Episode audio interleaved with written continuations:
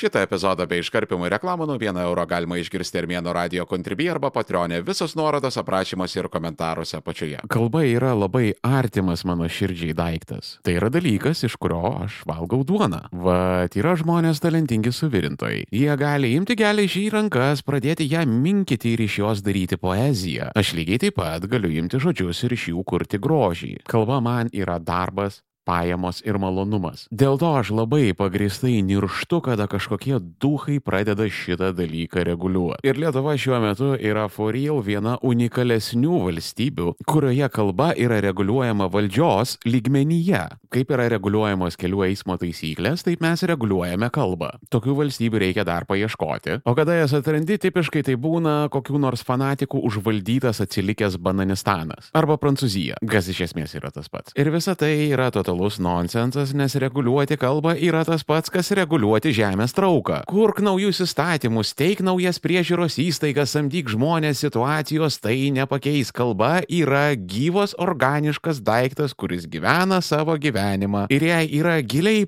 po Patinka kiksmažodžiai? Prenumeruok Armėnas Plus tik už 1 eurą į mėnesį Armėno radio kontribį arba patreonį ir klausyk epizodų be reklamų ir iškarpimo visus nuorodas aprašymuose ir komentaruose apačioje. Ką apie tai turi pasakyti netikėjusios moterielės riebaluotais plaukais perištomis tautinė juostele? Etniškai aš esu 50 procentų armėnas, 50 procentų lietuvis ir 120 procentų žydas. Ir atrodo, Lietuva Armėnija, kas galėtų būti skirtingiau? Armėnai tokie karšti, svetingi, lietuviai atvirkščiai. Šalti ir užsidarę. Jo, yra gilių kultūrinių skirtumų. Bet turiu pasakyti, kad vienoje vietoje Lietuva ir Armenija yra identiškos. Ne, panašios, vienodos, identiškos kaip vienas kito klonai. Abidvi šios šalis yra nykštukinės imperijos. Tiek Lietuvai, tiek Armenijai yra didžiulis bathertas, kad jos kažkada buvo didelės ir galingos, o dabar negali net minties daleisti, kad viskas yra kitaip. Pabandyk lietuviui ar armėnui pasakyti, kad jų valstybė yra maža ir nereikšminga. Pės, aš atsimenu, kažkada Mamontovo šovė ant Lietuvos mažą agrarinę šalelę, tai čia buvo turbūt kokie 12-13 metų atgal ir jam po šiai dienai šito dalyko negali atleisti. Arba tarkim tokie dalykai, kad lietuviai ir armėnai vienodai reidžina, kada užsieniečiai nežino jų valstybės. Nes supranti, kada pasaulyje yra netoli 200 valstybių, tarp kurių yra tokios labai svarbios ir reikšmingos kaip Junktinės Amerikos valstijos, Junktinė karalystė, Vokietija, Japonija, Kinija, Ispanija, Portugalija, Italija, Prancūzija. Be tų dešimčių valstybių, kurias tau reikia žinoti, tai vietoje Taylor Swift lyriksų tu dar savo galvą turėtum užpildyti faktais apie Baltijos ir Kaukazo šalis. Ir pas abidvi tiek Lietuva, tiek Armenija yra tas pats dalykas, kad politikoje populistai dažnai mėgsta tokį pasakyti, su mumis turi skaitytis ten, užsienyje. Ir tu toks, bet seniai tu pikselis, nahu esi pasaulio žemėlapyje. Man Markas Adamas Haroldas yra sėki pasakojęs, kad jis nuolat varto akimis, kada lietuviai bylaik nuo jūros iki jūros seni. Ir jisai toks rimtai, rimtai tu šitą dalyką Britui papasakosi, Britui, kurio imperija buvo pati didžiausia, kokią tik tai pasaulis matė. Savo dydžių pranokose Aleksandro didžiojo ir Čingischano imperiją sudėjus kartu. Imperija, apie kurią amžininkai kalbėdavo, kad virš jos niekada nenusileidžia saulė. Ir čia mes mes tokie litovcai. LDK jau? Žalgeris girdi, kai kryžiuočius pačirškinam, ne? Ir agen, kada man nutinka šitas kontaktas su TV3 žmonėmis, aš dažniausiai tiesiog atrandu save trindamas milkinius. Kur, žinai, da būna stadija, kur I don't even. Nuo ko pradėti? Ar tu Vido Bareikio Lietuvą apskritai žinai, kada įvyko tas žalgerio mūšis? Jau nekalbant apie tai, kur jisai vyko, su kuo jisai vyko, kas su kuo kovojo, kas ką pasiekė, ką tai mums davė ir kodėl iš tiesų tas dalykas yra reikšmingas. Ir čia tas daiktas nėra unikalus Lietuvai ir Armenijai, bet tai yra didžia valstybinis mentalitetas. Šitos dalykus galima išgirsti pas amerikonus, pas vokiečius, pas prancūzus, pas britus ypatingai, rusai tą patį. Jei ne mes, tai kalbėtumėt vokiškai. E, visų pirma, nebūtų buvę blogai kalbėti vokiškai. Jei ne jūs, mums nebūtų tekę kalbėti rusiškai. Apskritai turbūt nuostabiausias dalykas, koks galėjo nutikti Lietuvai, Lietuvai, tai būti okupuotai Vokietijos antrojo pasaulinio karo metu. Todėl, kad vis viena nacistinė Vokietija būtų pralaimėjusi, man po Puiku, ką tavo fašistuojantis dėdė Juozas sako. Jis yra gyvenime nei vienos knygos iki galo neperskaitęs debilas. Todėl Vokietija būtų pralaimėjusi antrą pasaulinį karą, jos okupuota Lietuva būtų atgavusi nepriklausomybę ir tapusi normalia vakarietiška valstybė, kokią mes bandome būti dabar. Lygiai kaip Danija, lygiai kaip Niderlandai, lygiai kaip Belgija ir daugybė kitų Vokietijos okupuotų valstybių, kurios nepateko sovietams į rankas. Todėl čiauk savo bedantę dvokiančią burną Ivanas ir padaryk tai, kam tu esi skirtas šitam pasaulyje. Būk paverstas į rožinę myglą sprogmens, kurį numetė ant tavęs iš ukrainietiško drono. Vienas ką paramos fondas jau užtiso daugybę orkų šventoje Ukrainos žemėje, bet tų orkų yra daug ir mums labai reikalinga jūsų pagalba juos pitti. Pitti orkus kartu su vienas ką paramos fondu. donate.onekeifund.org arba ieškokit nuorodo komentaruose apačioje. Ačiū Jums labai. Vienas ką paramos fondas. Mes visus išpirkime.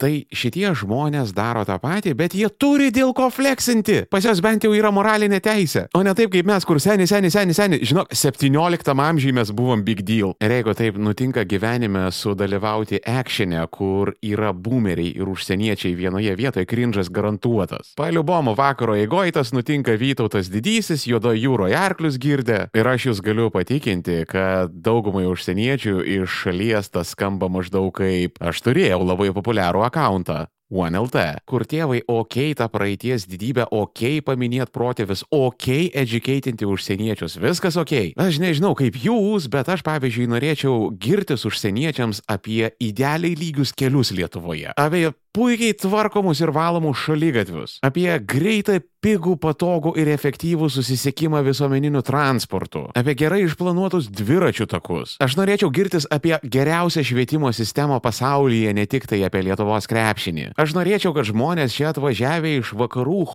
lintų taip iš mūsų ligoninių, mokyklų ir universitetų, kaip jie Elina nuo mūsų nenormaliai greito interneto. Bet nežinau, čia gal aš toks vienas nenormalus, kuriam svarbiau yra turėti valstybę, kurią galima didžiuotis prieš užsieniečius, o ne antrą gražiausią po italų kalbą pasaulyje. Čia grinai buvo bairis prieš daug, daug laiko, kažkur kažkokia striomno organizacija ten darė kažkokius ten gražiausius kalbos rinkimus. Ir lietuvių kalba ten buvo išrinkta antra pasaulyje gražiausia po italų. Ir po šiai dienai kalbininkai atsipeikėt negali. Ta prasme, merginos gimusios to konkurso vykdymo metu jau yra tapusios milfomis. Ant kiek čia seniai viskas buvo. Ir čia tie visi nikštukinės imperijos dalykai atrodo juokingai, bet iš tiesų tai yra rimta, nes mums tai žiauriai brangiai kainuoja. Aš pamenu, kada pirmaisiais kartais gyvenime kontaktavau su skandinavais, aš buvau šokiruotas, kaip jie gerai moka angliškai. Ir tam yra gerų priežasčių, todėl kad skandinavai labai daug investuoja į kalbų mokymą. Ten mokyklose gerai moko, ten yra įvairiausi ten trečiojo amžiaus whatever universitetai. Karočią,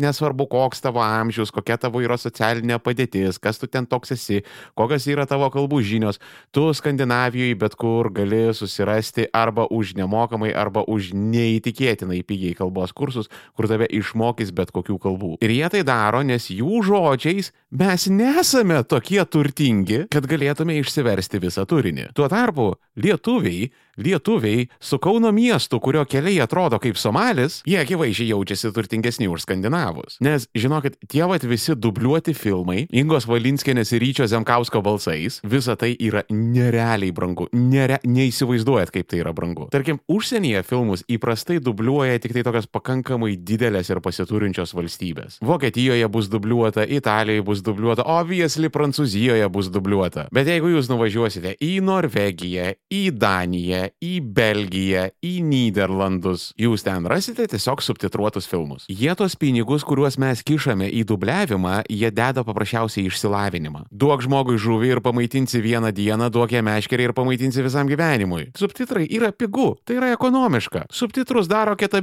apsivalgę filologijos studentai, voliodamėsi barakė ant sėdmaišį ir pasidėję laptopą ant pilvo, taip gimsta subtitrai dažniausiai. Jūs žinot, kiek yra nenormaliai daug darbo dubliavimui. Visų pirma, tau yra reikalingas talentas tai yra žmogus, kuris gali pastatyti balsą, išgauti reikiamą intonaciją, raiškiai skaityti tekstą, gaudytis, kas vyksta ekrane, klausytis, kas darosi ausinėse, plus garso režisierio nurodymai. Ir o taip, šalia to čuvako yra garso režisierius. Ir dar didžiulė brangi studija, kurios įsigijimo kaštus vis dėlto reikia atmušti. Tiesiog dubliavime dalyvauja žymiai daugiau žmonių, žymiai daugiau brangios technikos, žymiai daugiau procesų negu subtitravime. Žymiai, kartais nepalyginsi. Ir dėl to Lietuvoje yra susiformavusi labai iškreipta įgarsinimo ekonomika. Man žmonės parašo kartais, kad armėnai, kada pradėsi įgarsinti filmus. Bičiuli, tu žinotum, kiek moka įgarsintojams, tu taip nekalbėtum. Turinio įgarsinimas Lietuvoje didžiaja dalimi yra tiesiog labdaringa veikla. Ir taip yra dėl to, nes vėlgi, brangi įranga, brangų specialistai, bet rinka mažutė, mikroskopinė, neegzistuojanti praktiškai. Nepilni 3 milijonai ir tam neužtenka užsukti normalios dubliavimo ekonomikos. Dėl to šitoje vietoje turi kažkas nukentėti ir kas nukenčia, ogi įgarsintojas. Ir tokių nesąmonių yra žiauriai daug, pavyzdžiui, valstybinėse įstaigose. Ir mėno radijo Instagram'e pakabinau istoriją. Kai visada Hebra turit pusantros dvi valandos iki įrašo starto, po šito istorijų galite man palikti klausimų, pasiūlymų, whatever ir galbūt tai atsidurs galutinėme epizode. Parašė viena persona, dirba įstaigoj, valstybiniai, tam tikroj, nedoksinsiu. Karočią, sako, košmaras visiškas. Atvažiuoja žmonės iš užsienio vesti, tarkime, mokymus. Mokymai vyksta išskirtinai tik tai anglų kalba. Ir paskui, kada reikia paskleisti informaciją apie renginį, ten kas dalyvavo, kokie rezultatai, va čia vat nuorodo į įrašą, ten, etc., etc. Kiekvieną žodelį, kiekvieną smulkmeną reikia išversti į lietuvių kalbą. Aš suprantu, jeigu kalba būtų ten apie antraštę, pavadinimą, ten kažkokią pirmą pastraipą, bet ta prasme viską viską išversti sklaidai apie mokymus anglų kalba, kurį stebės žmonės tik tai kalbantis angliškai. Ir jeigu jie kalba angliškai, jie supras ir renginio sklaidą. Angliškai, ta prasme, kodėl tai turi būti taip sudėtinga. Ir by the way, yra dar atvirkštinis nonsensas, apie kurį aš labai dažnai koliodavausi klasikinėme armėno radijuje. Ne visa armėno kūryba yra internete. Prenumeruok armėnas ultra armėno radio kontribį arba patreonė ir gau prieimą prie armėnos slėptuvės, kur guli visi klasikiniai armėno radio epizodai, visos nuorodos aprašymuose ir komentaruose komentaruose apačioje. Buvo laikas, kada aš dirbau su Europinė parama ir ten buvo labai didelė problema apie tai, kad mes neversdavom savo teisės aktų į jokias kitas kalbas. Ir bėdos būdavo, kada atvažiuodavo koksai nors užsienio investuotojas ir jam būdavo įdomi kokia nors europinio finansavimo schema ir čiuvas natūraliai paprašydavo, kad gal jūs galėtumėte man gauti ten taisyklės kokiai nors anglų kalboj, kad mano advokatai galėtų paskaityti ir įsigilinti. Ir aš pamenu vieną kartą skambinau į vieną ministeriją su tuo pačiu klausimu ir ten kitam ragelio gale maždaug teta tokia, o kam? Ir kame buvo prikolas, aš klausiau apie Europinės paramos priemonę, kuri buvo skirta specifiškai, specifiškai užsienio investuotojams kurti ir steigti Lietuvoje verslus. Parengė tokią europinę paramą, bet neišverčia jokios dokumentacijos į nei vieną užsienio kalbą. Įtariu, kad for the plot. Ir atrodo, visi šitie bairiai yra jokingi, hihihaha, pasižiūrėkit, kokie mes provincialūs, bet tai yra kaštai, tai yra realūs kaštai, kurie gulasi valstybei, nes visa tai yra prarastos galimybės. Įsivaizduokit, va jūs ten koksai nors fotogeniškas berniukas susigauna kokioj nors verslo konferencijoje už rankos ir sako, aš Aš esu investuok Uzbekistane atstovas. Atvažiuokit į Uzbekistaną, investuokit pas mūsų Uzbekistanas yra Nas, mes jums sudarysim visas galimybės, viską paruošim, viskuo pasirūpinsim. Ir tu toks, okei, okay, o galima būtų kažką apie tai paskaityti. Ir jie tokie, nu, kaip? Principė jo, galima būtų. O kaip pas jūsų uzbekų kalba? Kaip greitai jūs tokį jo paskui pasiūstumėt. Ir čia yra ne tik apie investicijas. Tarkim, to istorijoje su persona iš valstybinės įstaigos, kuri ten turi sėdėti ir viską versti. Tai vad, kada jinai yra tuo užsijėmusi, tuo metu jinai nedaro kažko kito. Lygiai tas pats su įgarsinimais. Tuos resursus galima būtų skirti, tarkim, kokybiškesniam vertimui. Nes kartais, kai išgirsti lietuvišką vertimą, galvoj, su, aš toj prieisiu prie tavęs ir kaip pitu tau iš tavo paties laptopo per veidą, kad kuo bus sunku atskirti čia iš šono šonus skraido mygtukai ar tavo dantys. Taip yra dėl to, kad nėra babkių pasamdyti normalų vertėją. Arba vertėjas gali būti kompetitingas, bet jisai turi dirbti tokiuose siauruose laiko rėmuose, kad net teoriškai jis negali padaryti gero darbo. Kalbų nemokėjimas irgi yra bėda. Jaunesnėse kartose nelabai. Millennialsai be maž pirmieji pradėjo anglų ir kitomis kalbomis kalbėti C lygių. Genzeriai native fluent dar iš sauskelnių neišlipę. Bet vyresnės kartos, Gen X ir ypač boom boomeriai straglina. Pavyzdžiui, yra dafiga žmonių, dažniausiai tai yra vyresnio amžiaus, kažkur 45 plus ir aukštyn, kurių pagrindinis uždarbis gyvenime yra tiesiog skelbimai. Va, jie sėdi, siokina skelbimus, perka, parduoda. Yra Hebra visiškai nespecializuota, kur tiesiog bargauja, ir yra Hebra specializuota ten su tematika, kas ten su kokia būtinė įranga, kas ten, nežinau, su kokiam auto dalim, kas ten su elektronika. Dažnai tokia schema būna nupirkau, patikrinau, ką reikia pataisiau ir pardaviau. Ir daugelis jų galėtų žiauriai gerai užsidirbinėti užsienio platformose, eBay'uje pavyzdžiui. Bet jie negali, nes jie nemoka kalbų. Google Translate nepakanka, o GPT jie naudotis nemoka. Ir aš pažįstu žmonių, kurie selina eBay'uje. Žinau čiūvą, kas autodetalėm užsijama, žinau kitą čiūvą, kuris kompiuterinę techniką dylina, pažįstu, kas antikvaro prekiauja ir jie visi absoliučiai kaip vienas sako tą patį, kad Lietuvoje čia būtų man vargo vakarienė. Ir būtent tai atsitinka su barygom, kurie nemoka kalbų. Vargo vakarienė. Tas pats yra su darbais, jeigu tu išvažiuoji į užsienį, ten nežinau, į Londės, į Norgės, whatever, kažkur tenais užsidirbti, tavo alga yra vienokia, kada tu nemoki anglų kalbos ir visai kitokia, kada tu moki anglų kalbą. Ir čia garantuotai komentaruose išlys koksai nors fašistuojantis duhas su teksto siena, nes isteriški žmonės jie tiesiog nieko negali pasakyti mažiau negu trim sakiniais. Kai tu sėdi, skaitai, skaitai, skaitai, skaitai ir galvoji, tėvai, kada tu prie esmės prieisi ir tekstas pasibaigė ir esmės nebuvo jokios. Tai čia šitie visada ten klykė ten apie kosmopolitizmą, čia išmoksim naujų kalbų, nutautiesi, mūsų protėviai taip nedarė. Visų pirma, klasikinis išsilavinimas, apie kurį svajojo, svajojo mūsų protėviai. O tie lietuvių protėviai, kuriems žiauriai nuskilo tą klasikinį išsilavinimą gauti, tai jie buvo privalomai mokomi klasikinės graikų kalbos, lotynų kalbos ir bent vienos iš didžiosios užsienio kalbų - prancūzų arba anglų įprastai. Arba pasaulyje yra pilna dvikalbių, trikalbių, keturkalbių ir whatever valstybių. Belgija, tarkim. Belgų kalbos nėra, yra flamandų ir valonų. Ir ten yra pilna milijonai tiesiog žmonių kalbančių abiejom kalbom. Tai valstybei bus tai kokie 200 metų, galbūt nedaugiau, ir ten niekas nenutautėja. Kas vyksta, tai čia yra Man Bear Pig. Čia tik millennials į šitą bairį supras, nes mes vieninteliai žiūrėjom Pietų parką. Tai ten toks buvo prikolas apie belenkaip fake pabaisą, kurią išgalvojo Alas Goras. Man Bear Pig. Half man, half bear, half pig. Tai čia irgi, žinai, prisigalvota baubų. Nutautėsim, paradings kalba, išnyks, pranyksim, nunyksim, whatever. Nieko panašaus nevyksta, tam leidžiam didžiulės babkės ir po to tokie, o kodėl tokios eilės poliklinikose klausykit? Suprantat, tam yra toks geras žodis iš 90-ųjų. Vajonai. Vat kaip vajonai.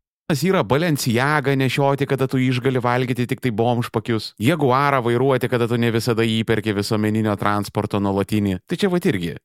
Vajonai. Taikyti imperinę kultūros politiką, kada tavo biudžetas yra toli gražu ne imperinis. Nu bet okei, okay, imperija iš Lidlo yra viena, bet visai kita yra kaip tie lietuvių kalbos puoselėtojai atsineša į mus, mokesčių mokėtojus, kurie išlaiko jų subinės. Tie kalbininkai visada su tokia panieka atsineša į mus, su tokia neapykanta, kad mes netaisyklingai kalbam. Nemylim ir nepuoselėjam antros gražiausios kalbos pasaulyje po italų. Ir visada tas yra daroma su tokia smerkiančia intonacija. Ir tie jų veidai kaip pirčiupio motinos, lingvistiniai rūpintojėliai Nes čia kaip kalbininkas taip gnyda, man atrodo, konstitucijoje yra parašyta, kad tiesiog į kalbininkus kitokių žmonių nepriima. Jiems nepatinka tarptautiniai žodžiai, jiems nepatinka mūsų akcentai, jiems nepatinka, kaip mes kirčiuojam. Ajo, čiūvas irgi Armėno radio Instagram'e labai taikliai parašė, kad kirčiavimas. Lietuvių kalbos kirčiavimo taisyklės tai yra toks nuo žemės neatkeliamas talmudas. Ir nuolatos ten viskas keičiasi. Per mano gyvenimą aš pamačiau, kai buvo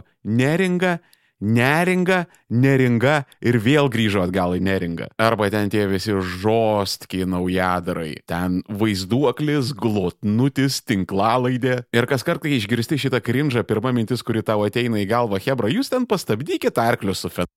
Kalbininkai iš vis yra kaip tie užknisantis neurotiški bosai, pas kuriuos nėra asmeninio gyvenimo, jie jums laiškus rašinėja vėlai vakare po darbo, savaitgaliais, viską mikromanagina, stundo, baksnoja, amžinai nepatenkinti, amžinai džedžina. Čia yra toks experiences kalbininkus Lietuvoje turėt. Čia kažkaip pasileidau ant ranto apie boomerius knisančius protą jaunimui, apie tai, ką jie meluoja ir kodėl iš viso geriausiai boomerių niekada nesiklausyti. Bet matau, toks normalios trukmės epizodas gaunasi, tai tiesiog tiesiog iškirpau ir padėjau į Armėnas Pro. Armėnas Pro - pilnos trukmės epizodai be reklamų. Užsisakyk planą Armėno radio kontribį arba Patreonė tik 4 eurai 99 į mėnesį. Visus nuorodos aprašymuose ir komentaruose apačioje. Ir žinot, kas ironiškiausia? Lietuvių kalbos gynėjai yra patys didžiausi lietuvių kalbos naikintojai. Nes žmonės yra bandos gyvūnai, kurie mėgsta žiūrėti, ką daro kiti. Ir kada tu pasižiūri į tipinį lietuvių kalbos puoselėtoją, tu mažiausiai nori tuo žmogumi būti. Kažkas apie tą visą neplautos galvos,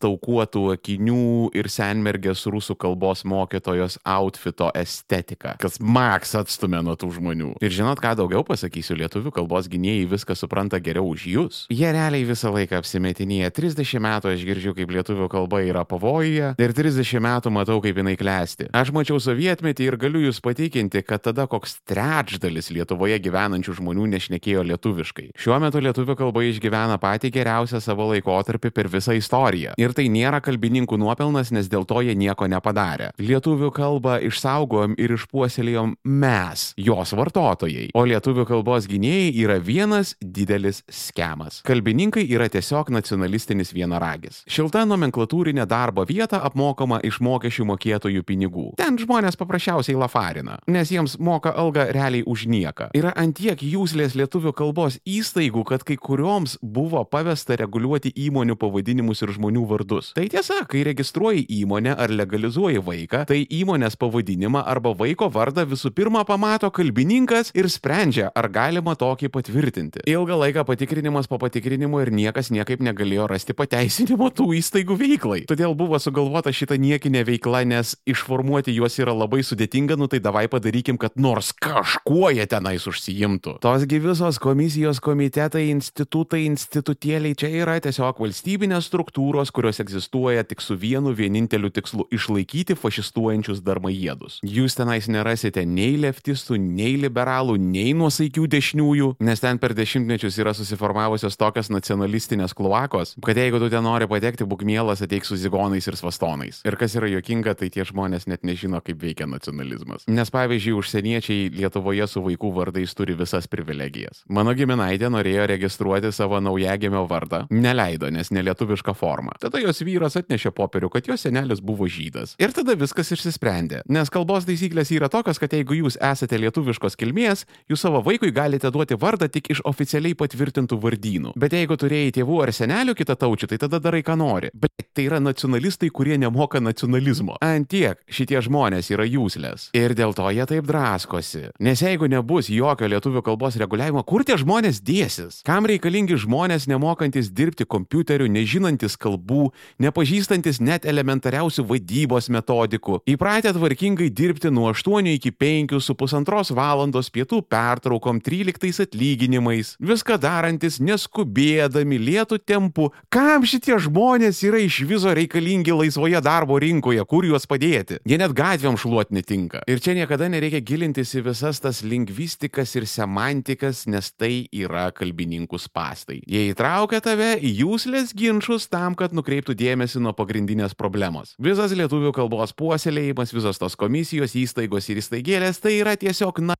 Lovo, skemas, amžiaus afera, nacionalistiniai sugar babies už jūsų pinigus. Ir žinot, kaip visi sugar babies nekenčia savo dadį. Ir jeigu jūs esate tokiame santykė, neapgaudinėkit savęs, patikėkit, jūsų nekenčia. Pamėginkit šiek tiek prisukti pinigų srautus ir pamatysit, kaip greit pradėsit apie save girdėti tiesą. Tai vad kaip sugar babies nekenčia savo dadys, taip kalbininkai nekenčia visos Lietuvos. Nes kiekviena darbo diena jiems yra gyvas priminimas, kad tu esi niekam tikęs našarnikas, kuris išsiklenčia ženčino savo fake darbo vietą pas nieko neįtariančius mokesčių mokėtojus ir vietoje to, kad į tai atsineštų su kažkokiu dėkingumu, jie į mus žiūri su maksimale neapykanta. Tarsi mes būtume atsakingi už tai, kad šitie žmonės yra šiukšlės. Algis Ramanauskas. Pas mane yra problemų su tuo žmogum. Aš galvoju, kad jisai pakankamai ciniškai užsidirbinėja enablindamas nacius. Ir šiaip yra skaudu matyti tavo vaikystės herojų nusivažiavusi iki duho. Seniai nebejokingo susireikšminusio žmogaus pimpalo. Bet vienu žodžiu nesiplėsiu, čia yra atskira tema. Nežinau, parašykit komentaruose reikalingas atskiras epizodas apie Elgį Ramanauską. Bet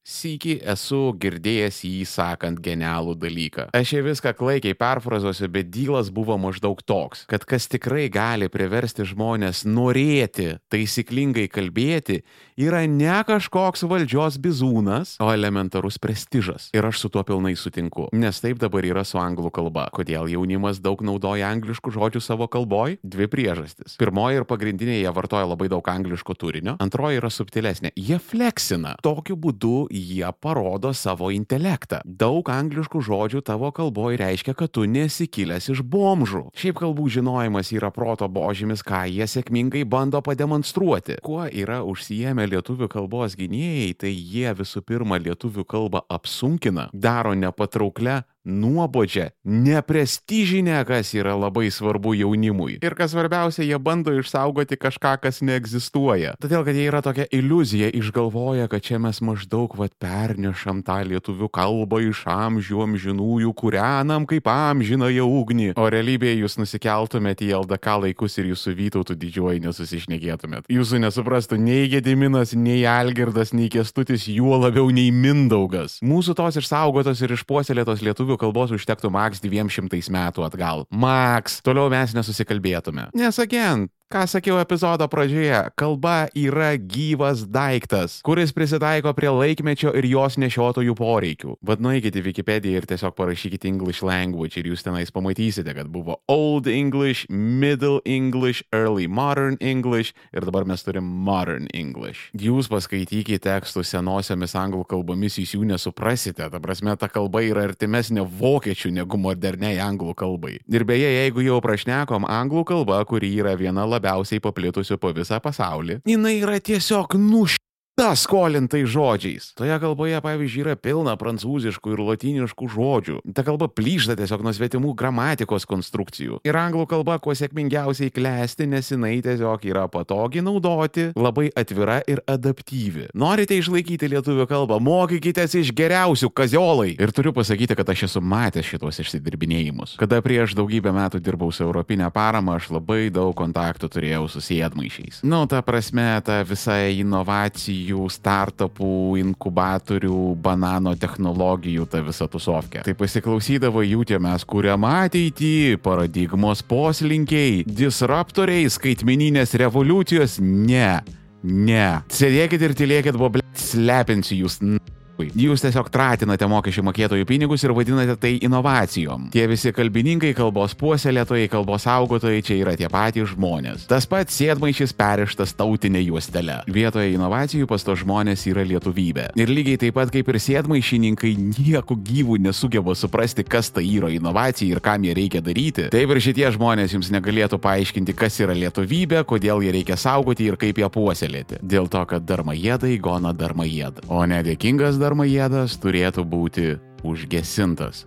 Darmajėdas. Tai ką, nauji metai artėja, rezoliucijos ruošiatės pasikeisti ir būti geresni, nesibaiminkit, armėnas tuo jums padės. Kodėl turėtų mesti rūkyti? Kitą kartą per Armėno radiją? Jeigu nenori laukti ištisos savaitės epizodas, jau guli Armėno radio kontribį arba Patreonė prenumeruok Armėnas Pro ir klausyk visų epizodų iš anksto viso labo 4,99 į mėnesį visos nuorodos aprašymuose ir komentaruose apačioje. Kur dar internete būna Armėnas, ieškokit manęs link 3 lešas Armėnas, viskas vienoje vietoje ir pažiūrėkite aprašymuose ir komentaruose apačioje. Jeigu esate tikri Armėno kentai, laikinat, šėrinat, komentuojat, subscribinat ir rekomenduojat visiems. Šiandien tiek. Iki kito.